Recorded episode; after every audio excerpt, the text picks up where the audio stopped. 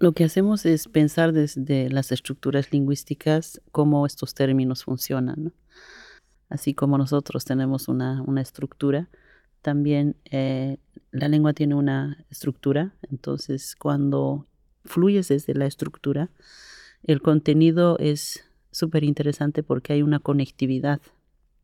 No estoy hablando como de palabras, fragmentos traducidos o frases, fragmentos traducidos sino más bien cómo eso nos interconecta a entender el desarrollo de la filosofía interna del contexto, en este caso de la lengua, y la acción de cómo se trabaja. Entonces, eso realmente es muy importante para mí porque no lo estoy hablando así como de que yo voy a traducir los pensamientos de Foucault, digamos, o yo lo voy a traducir los pensamientos de tal, sino estoy pensando de cómo mi pueblo había pensado en, su momento, en su territorio o actualmente. Y, claro, también hay pérdida porque hay que decir que la lengua es dinámica, no es, no es estática. Entonces, por la dinamicidad, uno puede entender estos cambios.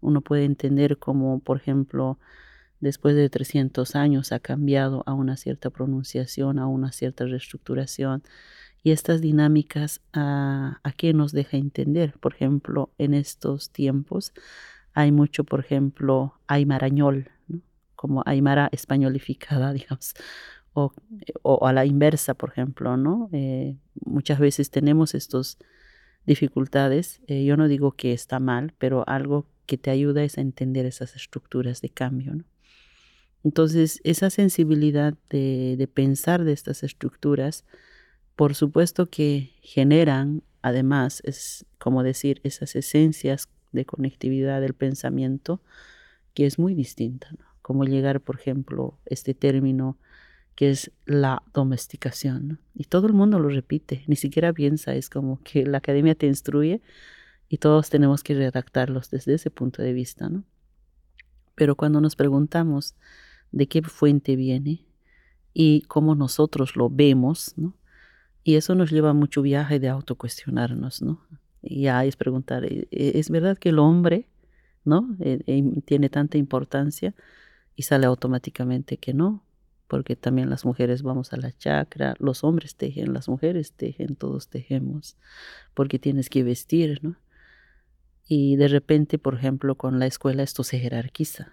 Cuando ya se construye, digamos, el, el sistema educativo, empieza a jerarquizar, ¿no? Empieza como cerrar puertas y abrir otras puertas y, de repente incluso ya, ya lo veo en estos últimos tiempos como una enjaulación. Ya no es ni siquiera un aula de así de son como jaulas donde te meten y todos tenemos que cantar de la misma forma.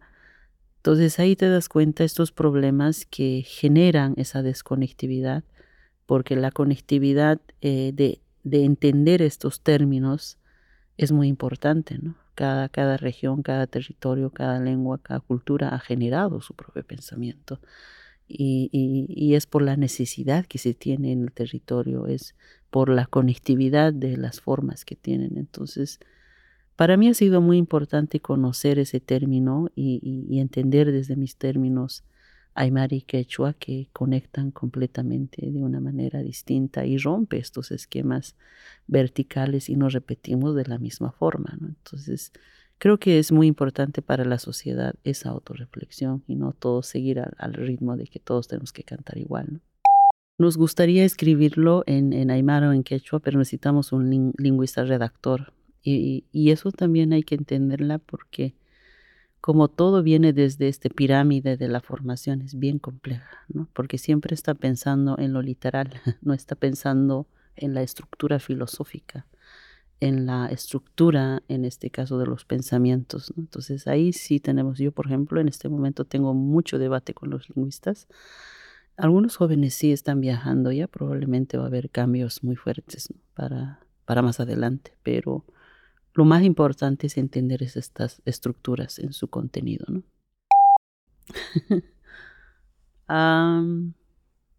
creo que primero todo es conversa. es como empiezo a conversar del, del tema, ¿no? En diferentes puntos de vista. como charlas y charlas y charlas y charlas y charlas. Y después viene mi sistema de autorreflexión, que normalmente son viajes, pero más, más de soledad. Me gusta mucho estar sola. me gusta caminar, me gusta viajar, me gusta estar en los cerros, sentado, mirando un poco, ¿no? Los, los paisajes, no sé. Y después ya viene el sistema de estructuración, ¿no? Y luego ya sale Es como que voy gestando las ideas, conectando, ¿no? Y empezar así como generar su propio camino. Y luego ya es más fácil, ¿no? Pero en, en esa sensación de las conectividades, me gusta estar más tiempo pensando. Así es que no es que agarro y, y, redacto, sino es como que muchos viajes, muchos viajes de conexión y luego sale el texto. En mi caso viene del canto, como es oralitura, entonces viene de esa rítmica y a ratos como que siempre pienso en ese par, es interesante, así como las contestaciones. Y eso es porque así me han instruido en la comunidad para el canto, entonces tengo esa rítmica de, de llevarla. ¿no? Y claro, puede cambiar según las voces también, quién lo lee, dónde lo lee, pero yo veo que depende quién, desde dónde lo llevas, ¿no? Porque hay también mucha gente, yo me acuerdo que una poeta lo llevaba más desde la escritura, sin anotar no podía, era como, tiene que anotar. y bastante interesante porque viene de esa versión estructurada, ¿no? Entonces es su lógica. Así lo veía, pero yo lo trabajo más de la, de la oralitura, de la rítmica del canto, ¿no? Porque en, la, en mi comunidad hay mucho de improvisación. Entonces tiene que ser al instante, al toque, como dicen. Y, y, el que sabe rimar lo responde, y el que no sabe rimar se deja pasar. Entonces ya sabes que esta persona no. Entonces es muy así como a la rápida, hay que estar al tanto, ¿no? Mientras que la otra está terminando, tú ya tienes que tener algo estructurada, ¿no? tal para contestar. Y gracias a la vida tengo un equipo muy bueno, tengo que reconocer eso. Hay, un equipo que, que ayuda, hay un equipo que es así como, como se diría, ¿no? que se identifica con, con estas nuevas directrices. Entonces eso hace una armonía muy linda, te ayuda, te colabora, entonces fluimos juntos, ¿no? Todos estamos así, sí, vamos a hacer eso, sí, ¿no? Y, y cada vez me alegra más, me, me, da la posibilidad de estar en armonía y trabajar juntos. Algo que era muy difícil al inicio, ¿no? En la primera fase, el 2013, 14, 15, sí fue modura, el, el 13, 14, 15, el 16 yo renuncié, porque ya dije, no, así enferma no quiero más. y ahí sí ya hubo cambios estructurales, ¿no? muchas personas, las que no están de acuerdo, pues las puertas están abiertas, ¿no? Entonces ahí hubieron estos cambios, pero ahora es muy interesante, ¿no? Y eso me gusta también porque ya preguntan por las bibliografías, se desesperan, ah, por ejemplo, hay charlas internas donde ya es formación, ¿no? Eh, Ahí el equipo me pregunta, mira, ahora vamos a abordar este tema. Yo no, yo no todavía aterrizo, pero me interesaría cómo está proyectada. Entonces yo les digo cómo está proyectada, ¿no? Esto sí, esto sí, esto sí, ustedes tienen que ver esto así, así. Y empiezan, ¿no? Y dicen, ah, eso, así como les encanta también, ¿no? Entonces eso, es, eso ayuda harto porque estamos muy conectados con todo lo que estamos replanteando, ¿no? Como una armonía de conectividad para lograr lo que realmente proyectamos. ¿no? Muchas veces tenemos incluso guiajes internas una y otra vez, una hasta que más o menos madure, ¿no? Ahora sí ya más o menos aborda eso de explicar verso, reverso, por ejemplo. Al inicio es muy complicado, ¿no? Pero cuando todo el mundo ya empieza a agarrar y empieza a entender, es muy bonita cuando empieza la gente a entender y fluir, ¿no? Incluso ya ellos mismos se convierten en, ¿cómo decir?, en guías y trae trae otros acompañantes, ¿no? Y, les muestra, ¿no? Mira algo que nunca habíamos visto, ¿no? Y tú, lo miran, ¿no? Mira a este lado, ahora mira al otro lado, ¿no? Y, mira, y se dan cuenta, ¿no? Y empiezan a leer e, eso es algo que hemos ganado, algo muy, muy interesante, porque ya no es esa lectura de la belleza superficial, de que yo tengo que ver el significado del cóndor y tal, ¿no? Ya se están centrando en la estructura, ¿no? Automáticamente, porque se están preguntando por qué está en verso reverso, ¿no? Porque el textil está así, en verso reverso, vidrio a vidrio, que puedes verla, ¿no? Entonces, como provoca otra, otra noción de lectura, ¿no? Bueno, depende cómo lo es, ¿no? Algo que yo he visto y es muy, muy complicado son estas verticalidades como conforman las cosas. Y, y a retos es bien, bien difícil de comprenderla. Por ejemplo, los niños tienen que jugar y tienen que jugar. Incluso las leyes se plantean así. Y en mi caso no, yo nunca he jugado, ¿no? Me han puesto a ser responsable del rebaño, me han puesto responsable de llevar agua, me han puesto... Y eso era parte de la vida, la formación. Entonces, esas conectividades nacen desde, desde ese entorno. ¿no? Y lo mismo pasa con las estrategias, ¿no? De que solo puedes ocho horas, ¿no? No importa en la oficina estés sentada y pasas un papelito, ¿no? Y punto. Y encima estás enfermo o estás muy mal, porque tal. Yo veo que no hay un desafío de la persona. Porque está controlando sus horas.